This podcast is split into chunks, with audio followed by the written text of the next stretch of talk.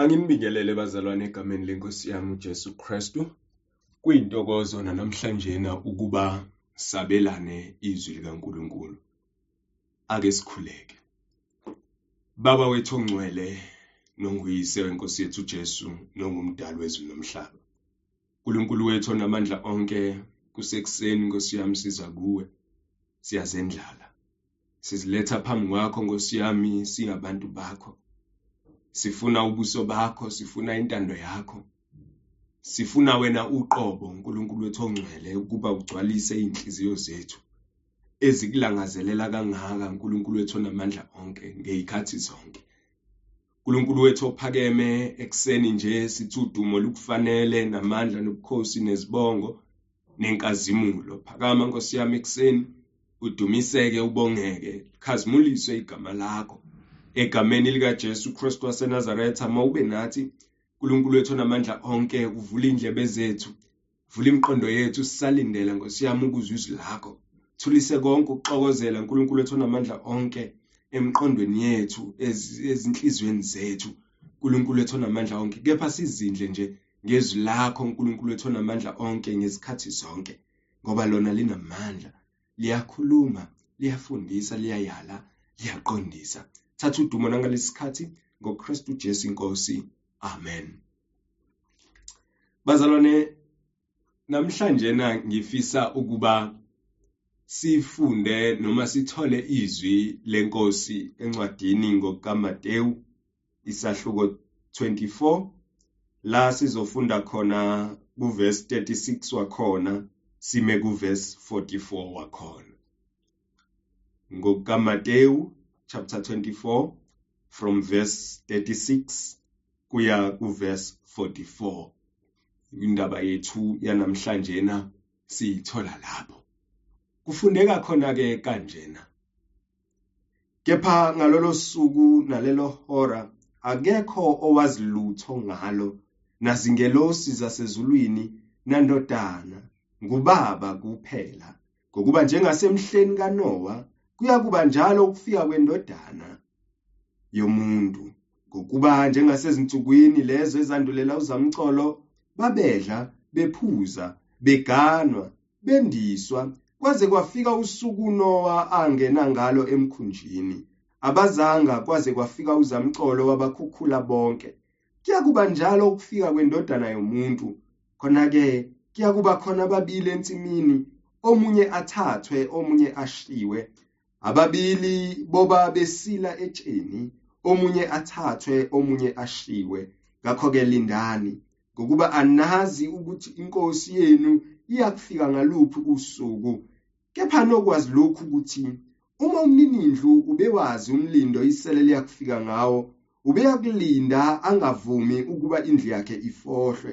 Ngalokho nani hlalani nilungele ngokuba indodana yomuntu iyakufika ngesikhathi eningasicabangiyo amen. Baba wethu onamandla onke izwi lakho leli nkosi yami linamandla liphefumulelwe nguwe. Khuluma ngalo kithina nkosi yami usiqondise usiyale usibusise usibuyise ngalo ngoKristu Jesu inkosi manje kuze kube kuphakade. Amen. Bazalwane namhlanje ngifuna sikhulume ngesikhathi esizayo. Ngifisa ukuba sikhulume ngosuku lwenkosi. Ukuthi usuku lwenkosi luyeza and luyasondela. Ngalo usuku lwenkosi kuyakuba khona ukujabula kwabanye.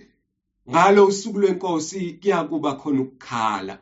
Uma uIsrayeli ezwa lezi indaba phambilini ukuthi kunosuku lwenkosi oluzayo bekuba khona ukujabula kubo ngoba bebeba nokuqonda sengathi kuzoba usuku la kuzojabhiswa khona izitha zabo. Kuzoba usuku la khona abacindezeli babo bezothola abakufanele.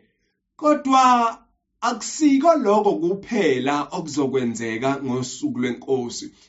Uma ufunda ngalo ubuka ngokumemezelwa kwalo ngingathi alizele abantu abangakholwa kuphela kodwa nabantu abathi bayakholwa.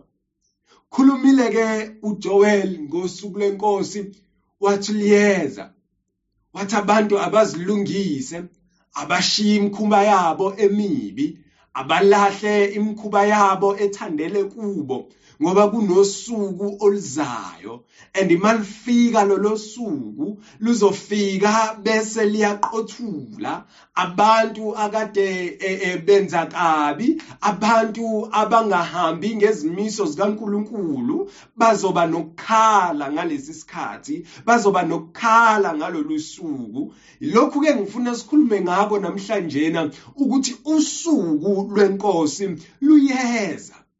Eh phambilini bewuzwa nasemaculweni akade eculwa ukuthi ibandla liyalangazelela usuku lokubuya kukaKristu ibandla liyakufisa usuku lokubuya kwenkosi yabo. Bowuzwa nangamaculo akade bewacula bethi ngiyakulangazelela Jerusalem. Bafuna ukuba sekhaya bafuna ukuba senkosini yabo. Bafuna ukujoyina ibandla eliphezulu eligubha umkhosi waphakade lidumisa ungikhona.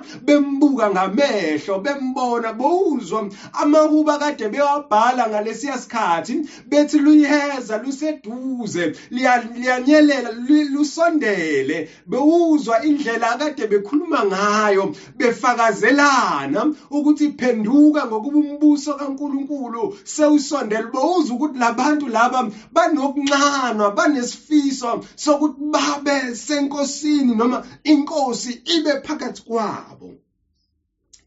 Kodwa ekuncaneleni kwabo ekujabuleni kwabo kukhona abayokhala.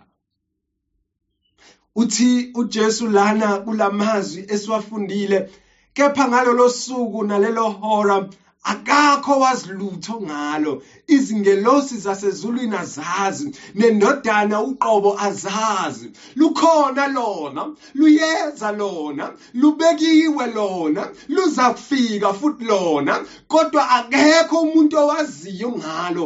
Umdumo walo sowufikile ukwazeka kwalo kukhona. Kuyamenyezelwa kuyashunyayezwa kodwa akekho owaziyo ngalo ukuthi lunini. Kunesexwayiso uJesu asibuyisayo lana. Kunesexwayiso asilethe ebandleni ukuthi xwayani hlalani nilindele ngokuba usuku lwenkosi luyeza. And lokhu engifuna ukuzokunikeza abazalwane namhlanje na lokhu engifisa sigqugquzelane ngako usho njalo uPauli uthi ahlale sikhuthazana ngalokhu. Uma ebhalela ibandla laseThessalonika ngithi mina ke bazalwane namhlanje na ahlaleni silindile ngokuba usuku lwenkosi luyeza. And uthi uJesu kwazi ngelosi kwandodana abazi ngalo. Kuphela ubaba. Ngokuba njengasemhleni kaNowa kuyakuba njalo ukufika kwendodana yomuntu. Kuba njengasezinsukwini lezi esazandulela uzamcolo lithi iBhayibheli babedla babephuza babegana bendiswa kwaze kwafika usuku uNowangena ngalo emkhunjini. Bazalwane lana iBhayibheli lifuna ukuveza ukuthi abantu uma kwakumenyezelwa ukuphelwa uma kwakumenyezelwa indlela abangasinda ngayo ukuze ngaphambi kokuba kufike uzamcolo abantu abanakanga abantu bathalalisa abantu ababhekanga nje. Kodwa uzamcolo wawumenyezelwe wafika. Kangako kuba uJesu namhlanje ukhotha leyo ndaba ukuze akulethe to our attention ukuthi usuku lolu liyeza and ukufika kwalo liyakuba njengalolu suku uNoah ngena ngale emkhunjini abantu batshelwa ukuthi uzamcolo uyeza abayilungise kodwa abantu banako kwabo. They were minding their own businesses. Abantu banako uqobo labo ukuthi bazuzani bafunani bakhohlwa abampofu bakhohlwa ukuphenduka bakhohlwa ukwenza intando kaNkuluNkulu uthi uJesu ke kodwa kwakunjalo babeganiselani cha abazalwane. Ayikho into erongi ngokugana nokuganana kodwa into erongi ukuthi abantu bangazicwiji abantu bangazinaki abantu bangazilungiseleli lolu suku olukhulu oluzayo usuku lwenkosi. Ngoba sizilungisela noma uJesu sinikile imanje ukuba sizilungisele lolu suku oluzayo. Ingakho sizishape sizicwija ukuze malifika lolu suku sifike singabafanele ukuphatheka kwindumiso yangunaphakade.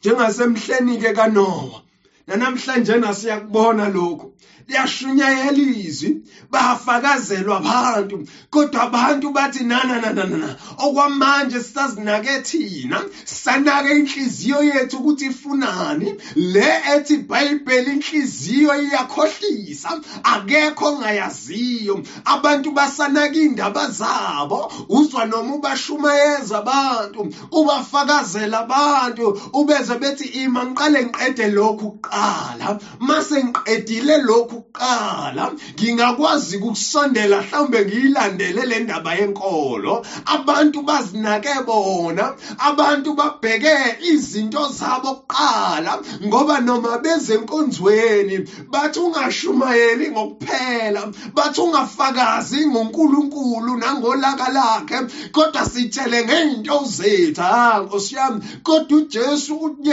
kuyakuba njalo and kunjalo namhlanje abantu bazinake bona kodwa usuku lwenkosi luyeza. Ngizothi mina hlalani nicijile hlalani nilungele. Athi umpostoli uPaul mebhalela ibandla lase-Efeso athi eh put on the full armor of God. Ibani ngabantu abalungele impi ngokuba ikhona impi elwisana nabantu abazicijela lolu suku. Athi ke yembathani ke konke lokhu okuyizivikelo zikaNkuluNkulu gxilana ezwini gxilana emkhulekweni zahlukaniseleni inkosi. Ngiyamthanda uAmose mekhuluma ngaleli ndaba ekhuluma ngosuku lokuphela ekhuluma ngosuku lolo likhulu oluzayo usuku lenkosi uJesu akhuluma ngayo kule ndaba esifunde kuyo uthi uAmose intombi ezinhle nezinsizwe ezinhle ngalesikhathi sekukhona ukuncana sekukhona indlala indlala engasiyo yesinkwa ukuncane okungasiko kwamanzi uthi uAmosi kuyoba khona intombi ezinhle nezinsizwe ezinhle eziyobe zigijima from west to east from east to west zifunana nezwi kaNkuluNkulu kodwa ziyobe zingasalitholi ngoba kuyobe sekuyisikhathi sencano sekuyisikhathi sokulamba belambele izwi kaNkuluNkulu bayobe bekhuphuka intaba bethi siyazazi ingceku zikaNkuluNkulu bezilana bobe behla amagquma bethi ukhona umgcotshwa kaNkuluNkulu obekade lana bobe behamba zonke inkalo ngoba namhlanje nakusasa sisashumayela abantu abasikuba ngathi abasiboni kodwa mase kufika lelo suku bayobe bekhumbula ukuthi ukhona umgcotshwa kaNkuluNkulu okade laphana bobe behamba yonke lezo indawo sekuyisikhathi sokuswela izwi. Isikhathi sokushunyayezwa nesokuphenduka sesiphelile selifikile usuku lenkosi ngithi mina bazalwane mangenzeki lokho kini kodwa hlalani nizilungiselele hlalani nicijile hlalani ningabantu abaredi athi uPaul lunganizumi lolu suku ngoba nina nitsheliwe ngalo. Uma lufika lolu suku ibani ngabantu abalindile? uJesu malifika lolu suku ngoba kukholelwana. Ngoba kwenzela akekho umuntu ongazicija ukuthi azicijele omunye. Uthi uJesu bayobe bebabili ensimini. Omunye athathe omunye ashiwe. Abanye babe begaya etsheni omunye athathwe omunye ashiwe. Ene bazalwane awukwazi ukulungiselela umakhelwane wakho. Indodana ikwazi ukulungisela uyise. Unina akakwazi ukulungisela indodakazi. Kodwa lento ipersonal lento idinga umuntu nomuntu ukuba zilungiselele for this day that is coming. And it is indeed coming. uJesu ha liyofika njengesela. Uma umnini wendlu bazi ukuthi isela liyafika nini ubeyohlala elungile elindele ukuthi lingene ebese yalibamba lisangena angavumi indlu yakhe ifohlwe nina ke niyalazi lolu suku aniqageli ukuthi lingahle lifike. You know ukuthi liyeza. Ngakho hlalani nilindile hlalani nilungele ngoba usuku lwenkosi luyeza. Luyeza lizofikela abantu abazishaya nceke bengasizo lizofikela impisi eyifaka ikhumba zemvu. Lizofikela abantu abangakholwa. Luyeza abantu ke bazothi ngishumayela umyalezo osabisayo ukuze abantu baphenduke. Angikwazi ukuthula ngingakhulumi ngalokhu ngoba ngempela lolu suku liyeza. Kuyokuba yicala kimi mangithula ngingakhulumi ngalokhu. Ngakho phenduka isikhathi sisekhona phenduka isikhathi sisekhona mamukele uKristu Jesu njenganenkosi nomsindisi wempilo yakho ukuze uzoba ngomunye olungele lolu suku ube ngomunye ozothi malifika lolu suku angabi lona ozoba nalaba bokukhala nokugedla kwamazinyo kodwa ozojabula. Ukuthi ngempela inkosi yami ifikile. Ngempela nansi inkosi awuzuwanda off emhlabeni. Awuzubheka izimo awuzubheka ukuthi iy'nceku bezilaphi awuzubheka ukuthi amasonto ebelaphi.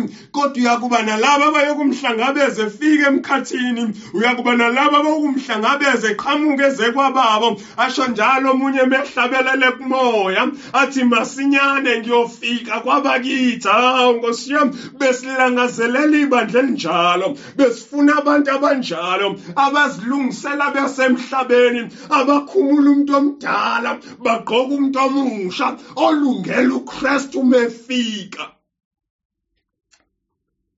anokwazi lokhu ukuthi uma umninindlu bewazi umlindisele liyakufika ngawo ubeyakulinda angavumi ukuba indlu yakhe ifohlwe.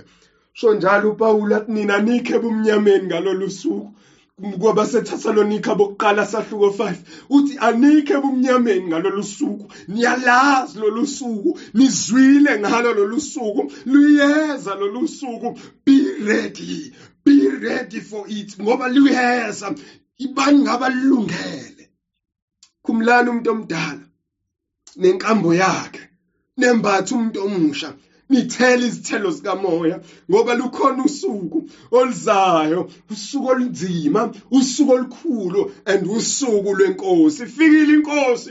Yafika kwabayo bayiphika yafika kwabantu bayishaya bayihlubula bayinenga bayithuka bayibethela siphambanweni and yezo kwesibili ukufika kwayo kwesibili kuyakuba inzo inzuzo kwabakholwa yiyo. Kodwa kuyakuba khona ukukhala nokugedla kwamazinyo kulabo abangakholwanga. Kuyakuba khona ukukhala mawungabi nabakhalayo. Mawungabi nabangazi mawungabi nabazoswela kodwa yiba yilona othi mina Nkosi ngifuna ukulunga ngifuna ukulungela lolu suku ngifuna ukushayipheka for this day. Ngifuna Nkosi yami ukuthi mawufika uzolanda ibandla lakho ngithi nangu mina Nkosi. Ngithi kudala ngikulindile Nkosi usho njalo? Umhlabeleli mehlabelela athi woza Nkosi uJesu manje wozolanda ibandla lakho manje kade sikulindile. Uma ngempela ushaped for this day. Uhlabelela uzwakala nendlela ohlabelela ngayo ukuthi ene ene ene ukuhlala lana ngiyanengeka ukuhlala lana ngiyathukeka. Kuyenzeka woza nkosi ujesu buya nkosi ujesu. Kanti kuyoze kube nini? Nkosi uzwakala nangendlela ofakaza ngayo ukuthi okwakho ukufakaza kukho ey'ntweni ey'phathekayo kodwa kusebudlelwaneni bakho nonkulunkulu. Woza nkosi ujesu woza nkosi ujesu kudala ngikulindile kade ngikufuna kade ngifuna ukufunyaniswa nawe. Jesu ke uma umninindlu bazi umlindise lebe liyakufika ngawo. Mm ube ohlala elungile. Abangesikhathi sikaNoah hayi babengalungile. Babazilungiselanga for usuku lazamcolo uNoah kuphela owazilungisela. Bona babenake iminako yabo ebhubhayo ephelayo kodwa uNoah walalela. Akuvuka ukho uhlobo lamakholo lizoba njalo oluzoma luthi inkosi ngilungise. Ngilungise nkosi yami. Ngibe ngolulungele lolusuku ngibe ngolufanele lolusuku ukuba ngingabhujiswa ukuba ngingalahlwa ukuba ngingaliwa ukuba ngingadelwa ukuba ngingaxoshwa ngoba uwaqambile amasu okuthi oxoshiwe angabesaba umxoshwa kwaphakade.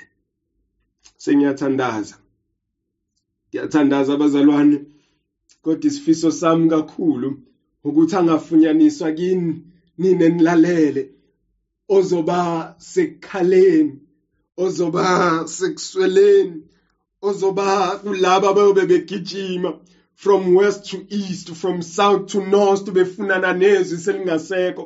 uNkulunkulu eselivalile sekungasekho ukuphenduka. Kodwa ngiyathandaza ukuthi kini kuvuka uqobo lamakholwa azothi sifisa nkosi yami usilungiselele lolu suku. Sifisa nkosi yami ukuthi malifika usuku lenkosi sibe ngaba right nawe sibe ngababuyisene nawe. Nkosi yomusa mayinibusise emakhaya. Amen. Asikhuleke. Baba wethu ongcwele nongiyise wenkosi yethu Jesu nongumdali wezulu nomhlaba. Siyakubonga nkosi yami ngezwi lakho osiyala ngalo. Siyakubonga nkosi yami uNkulunkulu wethu ongcwele ukuthi ukhulumile kithina kanjena namhlanje ngoba ufuna ukusiqondisa ufuna ukusiyala. Qhubeka njalo nkosi yami usiyale. Qhubeka njalo nkosi yami usifundise ukwenza intando yakho. Thatha udumo nangalesikhathi nezibongo zonke sizinikela kuwe. Baba wethu namandla onke asilibali futhi asikhathali.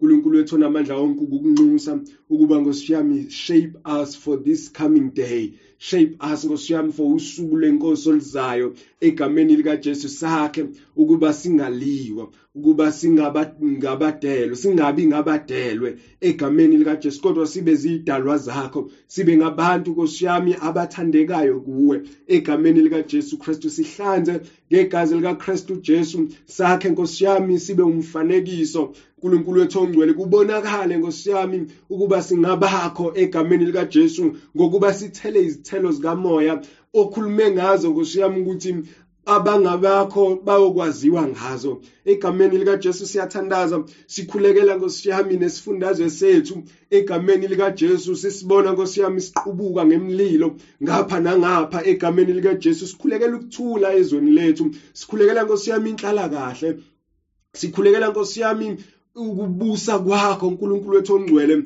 usupha ukuthula Nkosi yami okudlula ukuqonda konke. Egameni lika Jesu sikhulule sikhuleka Nkosi yami sikhuleka even for umnotho wethu. uNkulunkulu wethu onamandla ocindazeleke nakangaka. Egameni lika Jesu Christ waseNazaretha we pray ukuthi Nkosi yami phinde ukusikhumbula. Singabakho uyasazi. Egameni lika Jesu sivuselele Nkosi uJesu. Namhlanje uNkulunkulu wethu onamandla sivuselele kwezikamoya. Usivuselele Nkosi yami nasezwini lakho. Usivuselele Nkosi yami ezweni esikulo. Usenze kuba Nkosi yami sibe ngabantu abanhliziyo zabo zigxilile kuwe. Egameni lika Jesu bese uyasinqobela Nkosi yami everyday challenges. uNkulunkulu wethu ongcwele siwafesayo. uNkulunkulu wethu onamandla wonke siyathandaza. Sifuna Nkosi yami ubuso bakho. Sifuna Nkosi yami ubukhulu bakho phezulu kwempilo zethu. Sizwele Nkosi. Ebese uyasilondoloza usivikele usithwale njalo. Ngokristu ujesu unkulunkulu wethu ongcwele siyathandaza siyacela. Uyazi nkosi yami okuhlupha umoya wethu. Uyazi nkosi yami okuhlupha amakhaya ethu.